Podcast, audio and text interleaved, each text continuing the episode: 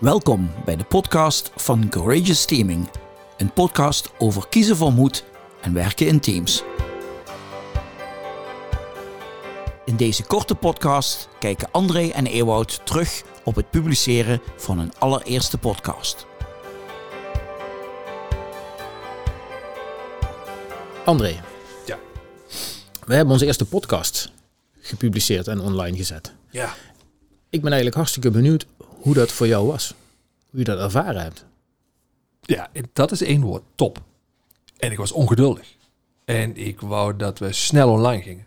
Maar ik merkte, ja, en ik merkte dat het bleef liggen in al onze drukte. En, en eh, daar irriteerde je dat, dat het bleef liggen? Of maakte je dat juist nieuwsgierig? Ja, dat was een duaal gevoel. Ehm, ik dacht, oh man, we moeten los, want het gaat over corona, het gaat over thuiswerken. Ehm, eh, dit is tijdsgevoelig, dit moet nu. Dit heeft met momentum te maken. En aan de andere kant ehm, zag ik dat, eh, ja, had ik de indruk eh, dat jij het liet liggen. Ja. Eh, maar dat ik daar ook begrip voor moest opbrengen. En zoals je weet is dat niet mijn sterke punt, maar ik dacht, ik moet begrip opbrengen hier. Want je was druk met andere dingen. En ook de indruk dat je het misschien wel een beetje spannend vond. Ja, het is gek als je dat zo zegt. Dan merk ik toch dat ik op een bepaalde manier een beetje schuldig voel of zo. Of denk van, hey, heb ik dat nou laten liggen? Het roept de vraag op, heb ik dat met opzet laten liggen of niet? Nou, dus dat was misschien ook wel een van de redenen dat ik er niet op duwde en dramde. eh, Een van die andere slechte eigenschappen. Maar weet je, je had mij wel heel erg geholpen. Want ik wou dit al heel lang, heel erg graag. Heel lang geleden al. En, maar toen wist ik nog niet dat het dit was. En toen noemde ik het journalistiek, maar ik, ik snap nu dat het dit is. Ehm, en ik, ik worstelde in mijn kop van, ja, maar wat hebben we hier aan? Dit levert gewoon helemaal niks op. En toen zei jij, maar dat hoeft toch niet? Kan toch ook energie geven en leuk zijn. En daarmee heb je mij over een enorme drempel geholpen. De- dus misschien is dit het verhaal wat ik er zelf van maak. Dat ik ook zoiets van, ja, ik moet je ook tijd geven om daar jouw eigen ja, pad in te lopen. Ja, ja, drempels. Ik ervoor Ja, eigenlijk met name een drempel bij het, oké, nu hebben we het en dan gaan we het online zetten. ja, En, en wat gaan mensen hier nou van Ja. vinden en noem maar op. Dus Ja. misschien, ja, misschien maakte dat ook wel dat ik het ergens liet liggen toen het min of meer klaar was. Ja. Ik dacht van, ja, ja, dus ik herkende dit ook helemaal niet voor jou. Normaal, als het om ICT gaat en online en social media, dan, dan loop je stappen voor op mij. En nu niet. Dus ik dacht hier, oeps, hier is wat aan de hand. Waar ik dan ook nog wel even nieuwsgierig naar Kom ben. zo op, hè? Daar gaan we zo wel naartoe. ja. Ja, ik probeer dat te ontlopen, dat snap je. hè. Ja. Gaat daar liever niet over. Nu doe je het weer, want we hebben de tweede podcast klaar liggen. En die gaat ook niet online, omdat, je ook even niks doet. Waar ik dan ook wel nieuwsgierig naar ben, is jij eh, hebt dat toen, eh, toen we die eerste online zetten, super enthousiast gedeeld via Ja. WhatsApp in je, onder je bijna ongeveer alle je relaties die je hebt. Ja. En ehm, toen kreeg je feedback. Ja.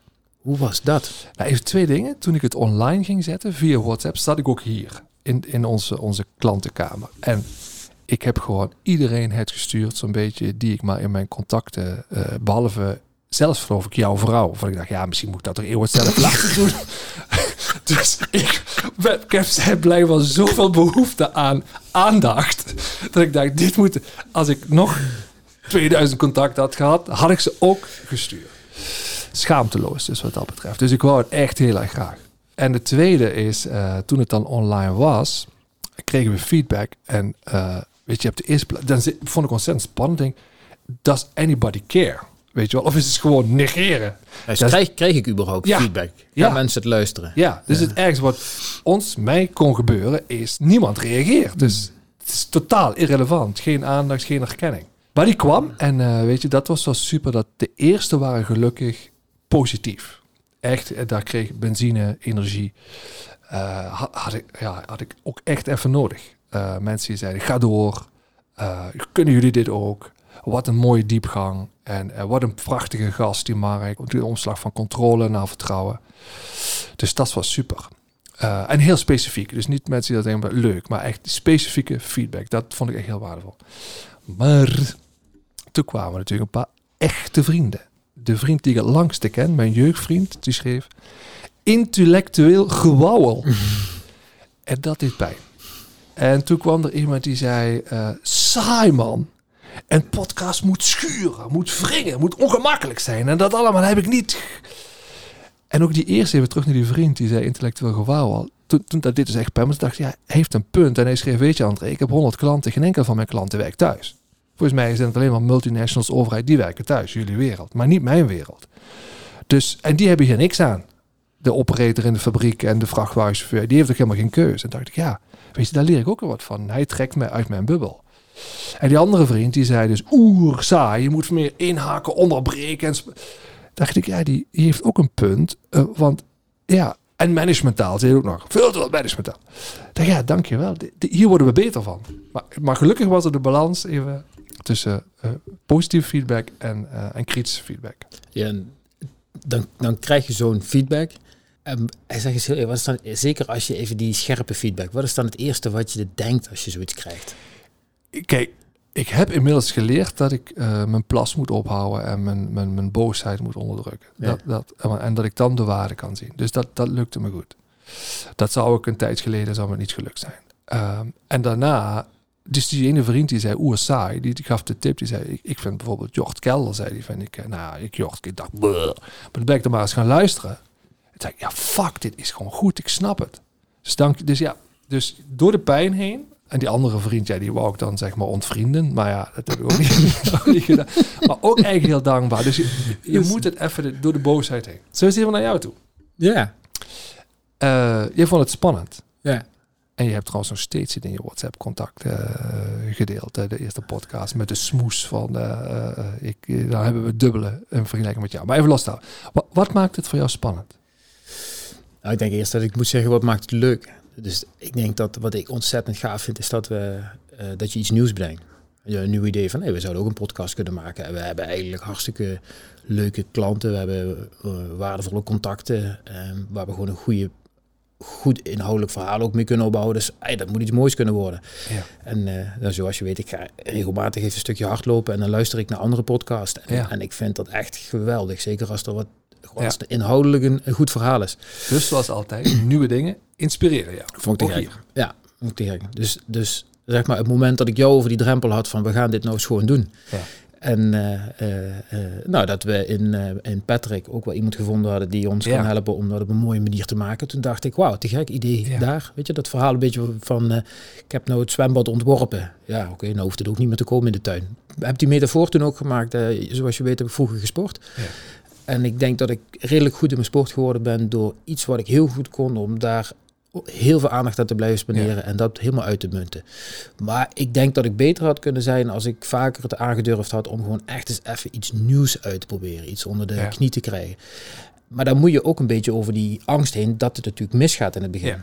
Ja. noem het maar een beetje faalachtig iets. Hè. Ja. Ja, Mag ik dan zeggen, de, de, sorry, de drang naar het echt goed willen doen, perfectie? Ja jou hier in de weg staat. Even. Ja, die maakt dan dat ik het toch wel bijzonder lastig vind om dan uiteindelijk op uh, publiceren te drukken. Hè? Ja. Ondanks dat we de hele infrastructuur hadden ingericht. Ja. Uh, ja. En dat vind ik toch ook wat interessante van ons vak. Hè? Weet je, moet, je zegt altijd tegen mensen, goh, als je moedig bent, dan, ja. dan vond het een mooie spreuk. Ik weet niet van wie die komt, van weet je, ik win eigenlijk altijd, want of ik score of ik leer. Ja. ja. En rationeel kan ik dat uitleggen. Ja. Maar eh, goh, als ik niet score en leer, dan weet ik niet direct of dat nou wel zo voelt alsof ik dan ook echt win, zeg maar. Terwijl ik het allemaal wel snap. Dus denk... het heeft toch met de kern van onze filosofie te maken van, van angst. Schaamte is een, zou je een vorm van angst kunnen noemen. Naar, naar de stap naar moed zetten. Ja, ja. Het is toch ook een beetje de angst overwinnen van uh, wat gaan mensen dan vinden van je. Ja. En, uh, Als we bij die drempels zitten, hè, wat, en iedereen herkent ze wel. Wat, wat zou ik in, in dit geval bij jou het beste kunnen doen? Uh, wat je gewoon gedaan hebt. Een klein beetje geduld en vervolgens gewoon zeggen, joh, wanneer gaan we dat nou publiceren? Dus is toch een balans blijkbaar tussen ruimte laten en op een gegeven moment toch zeggen, misschien even bij de hand pakken. Volgens mij moeten we nu los. Dus ja, wat ik altijd wel ontzettend waardeer, en dat helpt mij altijd wel, is, uh, weet je, je brengt er dan altijd een beetje luchtigheid in. Dus wat wij proberen bij klanten ook te doen, is als je al die beelden in je hoofd hebt, dat is eigenlijk het ergste wat er kan gebeuren. Ja. ja. dat je een beetje moet lachen om iets wat je ja. zelf gemaakt hebt. Denk dat, dat, dat, dat het is. Ja. En natuurlijk is het de waarde erin dat mensen dan uh, ons uh, waardevolle terugkoppelingen geven waar we weer van leren. Dus wat jij net zegt, als die terugkoppeling niet alleen is uh, goed of slecht of ja.